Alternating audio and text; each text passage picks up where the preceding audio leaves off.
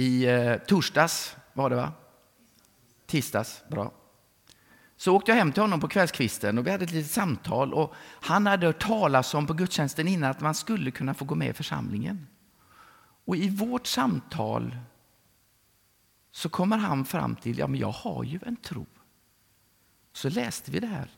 Om du med din mun bekänner och i ditt hjärta tror. Så fick Johannes sitta där vid sitt köksbord och bekänna sin tro för mig som pastor. Skulle kunna varit vem som helst. Och så säger jag, men Johannes nu är du frälst. Nu är du Guds barn. Nu är du en del av det som Gud kallar oss människor in i. Wow, vad häftigt. Grattis Johannes till det kloka beslutet. Ja, just det, precis. Härligt. Det är ju inte så vanligt för många av oss eh, inom kyrkan går ju den där lite lagom långa vägen. Du vet. Och så ibland så får man vara med om det där magiska att hjälpa någon att ta det där kloka beslutet. Vägen till tro är ju på det viset ganska så enkelt. Det är inget annat än bara tro som behövs när man ska bli frälst, tillhöra Gud eller möjligtvis gå in i församlingen. Då är det den enda frågan vi ställer. Har du en tro? Ja, och så ibland förväntar vi oss ett dop också, men det kan vi ta en annan gång. Så vägen in till tro är ju jätteenkel egentligen. Det är att forma någon slags liten enkel tro som räcker. Vad som händer efter det sen, det är en helt annan historia.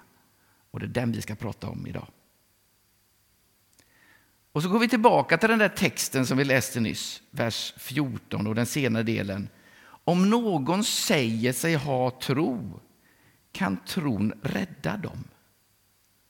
Ska man mäta tro på det viset? Hur mycket tro har du? Kan tron rädda dig? Svaret är nej på det tror jag. Man ska inte mäta tro på det viset. Men tron och Bibeln talar om, precis som vi sjöng nyss, att när man har en tro så möjligtvis blir det faktiskt någon frukt av den. Det händer någonting, det syns någonting. Så vägen in till tro, enkel, jag tror, hur litet den ser ut. Men vad som händer sen, det är det som är också ganska spännande. I alla relationer du går in i, oavsett vilken typ av relation det är, så händer det någonting med dig. Om när vi i församlingen tar emot en ny medlem så är ju inte församlingen likadan längre. För ett tag sedan här nu någon söndag i, i Granarp så, där, så gick det med tre, fyra unga tjejer. Och råkade sitta där allihopa, vad härligt. Vilket pärlband. Då är ju inte vår församling likadan. Det har kommit in några nya som ska vara med och påverka. Det är ju inte likadant. Ännu tydligare blev det för mig och min fru när vi fick vårt första barn. En ny medlem i vår familj. Var det likadant efter det? Nej, det var det inte. Det kom in en ny som bestämde rätt så mycket. Tänk på vilken relation du vill. Kanske den relationen som betyder mest för dig. Och så försök att komma på hur var det när den började. Hur gick du in i den relationen? Hej, jag tycker hemskt mycket om dig. Ska vi ha en relation du och jag? Vad tänkte du då? Hej, här bestämmer jag. Följ med mig. Eller möjligtvis, hej vad kul, jag kanske kan lära mig någonting av dig. Eller kanske till och med om du är riktigt sådär tagen av en relation eller möjligtvis kärlek. Jag gör vad som helst för dig. Vilken skillnad. Och om du, eller när du, eller möjligtvis möter Jesus kärlek till dig och väljer följa honom, händer det någonting med dig då? Gjorde det den dagen eller har du märkt det under ditt liv och din resa tillsammans med honom? Ja, men det påverkar mig faktiskt. En liten teaser heter det va? Vi har ju omsorgsgrupper i den här församlingen. Vi håller på att träffa dem. Jag har träffat tre och har tre kvar. Vi pratar om vilka gåvor har du? Och ibland ganska svårt att säga hej, jag är jätteduktig på det här. Det är min gåva, den har jag fått av Gud. Det är inte jätteenkelt, men vi behöver träna på det. Vad är det Jesus vill använda dig till? För det är så.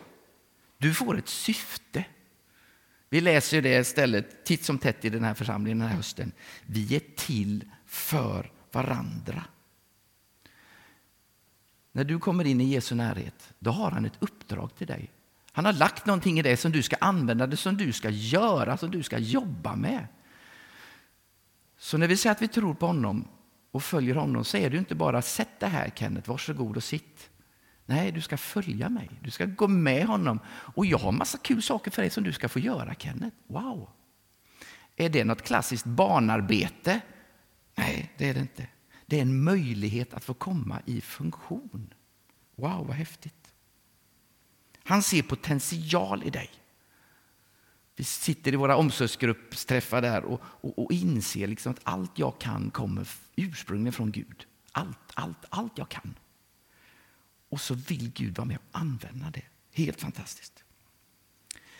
Tillbaka till texten igen, vers 18. Visa mig din tro. En kärlek som har satt spår, ja den, den syns. Den gör det. Vi sjöng om frukten igen, Anders, den är fantastiska. Jag tror båda sångerna drog åt det hållet. Det är någon slags växt och när växten växer så märks det. Den blir längre, det kommer en blomma, det blir ett päron eller vad det nu skulle kunna vara. Det syns. Alltså, visa mig din tro. Hur gör jag det lättast? Ja, möjligtvis i några slags gärningar. Tillbaka till din den där favoritrelationen nu då. Hur såg det ut när du startade den? Ja, vi kan väl tänka oss någon slags kärleksrelation här nu utan att ta några exempel sådär. Mm. Hej, jag vill vara i närheten av dig. Ja, vad kul. Gjorde ni inget mer sen? Jo, man kanske gick på bio, tog en fika på en restaurang. Kanske köpte en ring. Kanske flyttade ihop, kanske gifte sig, köpte en hund, ett hus, en bil, skaffade barn. Det är så att man säger det. Titta här, jag har en relation med den här människan och man gör allt vad man kan för att visa det här är min relation. Hur ser din relation ut när det gäller din tro på Jesus Kristus? Och nu läste vi en text precis nyss. Få inte för dig att du ska springa och offra din son nu som Abraham gjorde. Det jag tror inte att det kommer drabba dig. Eller jag är ganska så säker på det. Vi ska nog inte jämföra varandra, hur det ser din ut och hur ser min ut, eller hur såg Abrahams tro ut. Jag tror inte det det handlar om. Och så tänker vi på kroppen som vi pratar om. Vi ska inte säga jag är bättre än dig och vi ska inte säga jag är sämre än dig och förringa sin egen gåva. Nej, det ska vi inte göra. Det här kan jag, det ska jag vara stolt över. Vilket är lättast? Att komma till en ny arbetsplats, till en ny klass, till ett nytt sammanhang och säga Hej, jag är kristen. Är det enkelt att säga? Ja, kanske för någon. Det är inte min grej. Men efter ett tag i min gymnasieklass så var det någon som sa Kenneth, är du med i en kyrka? Eh, ja, det hade jag inte sagt. De såg det på mig. Och ändå är jag nog inte sån där som ni kan se, det vet den där superkristna du tänker på som det bara, det bara skiner. Sådär. En del är ju sådana. Men till slut så sipprar det ut. Har vi skyldighet att älska? Har vi skyldighet att visa barmhärtighet eller medkänsla som det står om i Bibeln? Eller ska vi vända på det? När du älskar Jesus så kommer det att synas på dig. Det syns i dina ögon, det syns i dina kramar, det syns i dina bullar du bakar och så vidare. och så vidare. Det kommer märkas. I Apostlagärningarna kan vi läsa om de första kristna. De andra såg på dem hur de älskade varandra. Man blir tydligen lite som man umgås. Jakob som har skrivit det här brevet som vi läser, han tog ju Abraham och Rashev som föredömen. Ska vi ta några lite enklare föredömen kanske än de där två så vi inte får för oss massa saker? Hur syns din tro? För du tänker väl inte, jag vill helst inte att den syns. Jag tror den där relationen, din kärleksrelation, i början var man smög man det, men jag och min fru vi smög också första två veckorna. Sen vill man att det ska synas. Sen är man ju stolt och så visar man på alla världens sätt. Hur syns det? Din granne ser när du kvart i tio sätter dig i bilen eller möjligtvis går ner till kyrkan. Det ser din granne. Om du inte säger någonting så kommer de lista ut det. Och, och, flera år efter ni har bott ihop så vet de om att du går i kyrkan. De vet om att du är troende. Du kanske blir scoutledare eller vad det nu är. Du kanske går med i församling, vad vet jag. Några exempel från förr, förra och förra veckan som för mig visade på så mycket tro. Vi hade bibelstudier på scout. Alla scouter har blivit utmanade att visa sin tro på något sätt. Gör något du tycker är kul, så får scouterna gå runt och träffa er. Och så säger du kanske typ så här, den här gåvan har jag fått av Gud. Och bland annat Anton som sitter längst där nere nu och visar sin tro genom att sitta i ljudbåset. Han hade med sig sina kubar, eller kuber kanske det heter. En hel påse med, med, med, konstiga fyrkantiga saker, med massa saker som man ska vrida och vända på, så blir det likadana färger på alla sidor. Jag har inte lyckats än, men Anton kan. Det var hans gåva. Där syntes hans tro.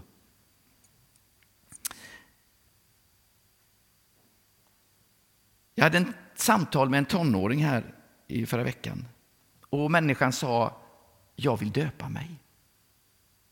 Wow! En gärning som kommer göra att den människan visar sin tro. En av våra äldsta medlemmar heter Berit Sjöqvist som finns på Fridhäll i Taberg. Jag hälsade på henne när jag ändå hade varit åt det hållet, åkte förbi och gick in och sa hej bara. Då sa hon, Kenneth jag ber för dig varje dag. Oj, ja men det är jag som pastor ska komma och stötta dig liksom. Och så ger hon tillbaka, du vet. Jag ber för dig varenda dag. Det visste jag inte. Men hon sa det till mig och visade att med sina gärningar så gör det skillnad också för mig. Förra tisdagen innan jag åkte till Johannes så satt jag vid en 80-årings fikabord och fick prata om kristen tro. Prata om livet, prata om allt möjligt och också prata om kristen tro. Det var värdefullt för mig att få lyssna. För någon vecka sedan så hade vi en lördagskväll här, fördjupad gemenskap. Det var ett 20-25-tal som satt. De första som kom, en sekund över fem, var ett äldre par som jag aldrig har sett förut. De kom in, de bodde i Taberg någonstans, ett syskonpar. De kom in här och var en stund och så kom det några till och så pratade vi lite grann och så sa de, vilken varm gemenskap det är här i den här kyrkan. Ja, ett sätt att visa på tro. Vår fina ungdomsledare Hilda var för ett tag sedan i Taberg på en EPA-träff. Det är knappt man vet vad det är. EPA det är någon konstig bil med en trekant där bak. Det far runt massor med ungdomar i Tabergsdalen. De mår inte bra. Nu var det några anställda, några brinnande människor som träffades och pratade om vi måste hjälpa de här. Hur vi gör det vet vi inte än. Vi måste göra något. Vi måste baka pannkakor, åka dit, meka bilar. Att vi måste bara träffa dem och vara med dem. Ett sätt att visa på sin tro. För några månader sedan så fanns det på Smedegården här borta en tjej som heter Maria. Gammal präst faktiskt. Hon var någon slags ansvarig för omsorgen och så att det hände något för de gamla som bor där. Hon har slutat där flyttat till Fridhäll. Och när jag kom gåendes där nu den där nämnda dagen eh, och tittade in eh, och så tittade vi på varandra. Ja, Men, vem är du? Och sa, just det, ja. Jo, men det var ju du, säger hon, som var på Smedegården för ett tag sedan och sjöng och hade ormskinn med dig. Du vet, vi hade en liten eh, sån här andakt där och några av oss var med där och sjöng.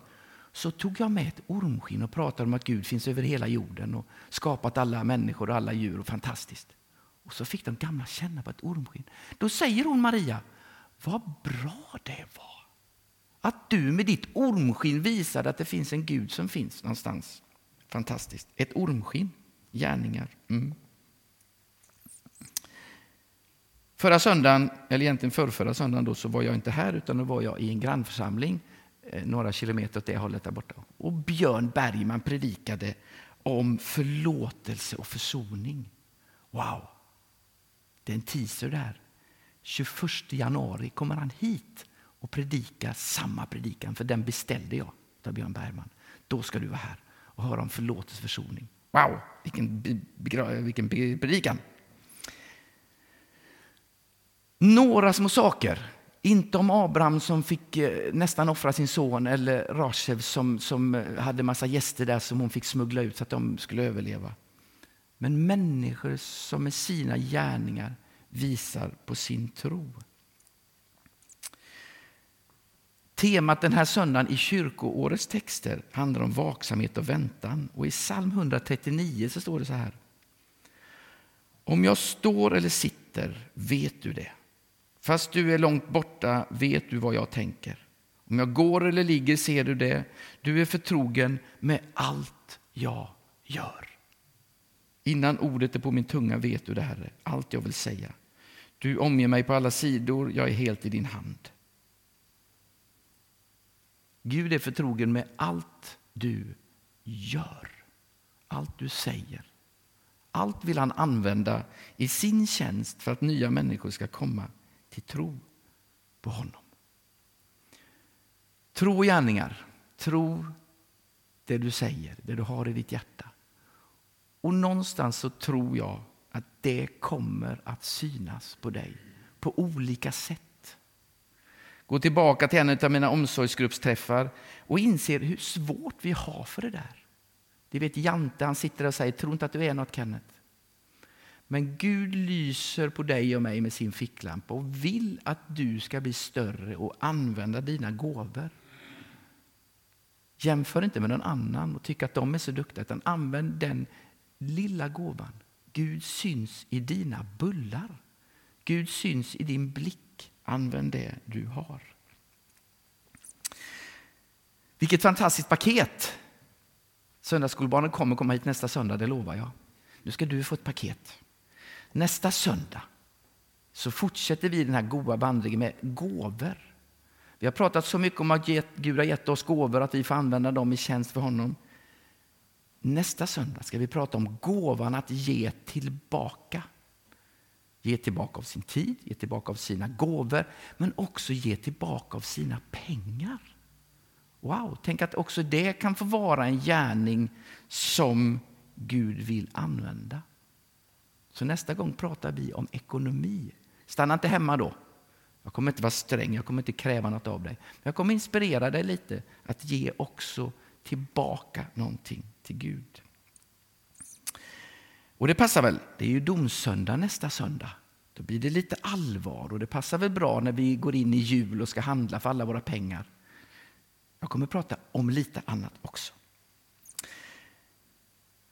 Nu ska vi få gå in i en stund. Anders och Eva ska sjunga en sång för oss först. Och Då sitter du och så laddar du lite och så funderar du lite på dina, din tro och dina gärningar, vad du skulle kunna göra för Gud. Och efter det sen så kommer det komma två sånger som jag lovar dig, det drar åt det här hållet igen, de här texterna. Då är böneplatsen öppen. Jag står där om du vill ha en enkel förbön över ditt liv. Det går att tända ljus och det går att skriva en liten lapp. Skriver du lappen så vi kan läsa den, alltså inte viker ihop den, då läser vi den. Skriver du en lapp och viker ihop den tydligt, då ber vi bara för den och Gud vet vad som står på den. Låt oss be. Tack Jesus för möjligheten som du har lagt i mitt liv att göra någonting av min tro på dig. Tack för att du har allihopa som finns här inne i den här gudstjänstlokalen nu Herre. Du har oss i din hand, du vet vilka vi är, du älskar oss och du vill använda oss Herre och det är så stort. Hjälp oss att det här inte blir övermäktigt utan bara blir inspiration och glädje och att vi kan få ge någonting tillbaka till dig och att vi kan få göra någonting för de medmänniskorna som du har satt i vår väg. Välsigna oss alla. Amen.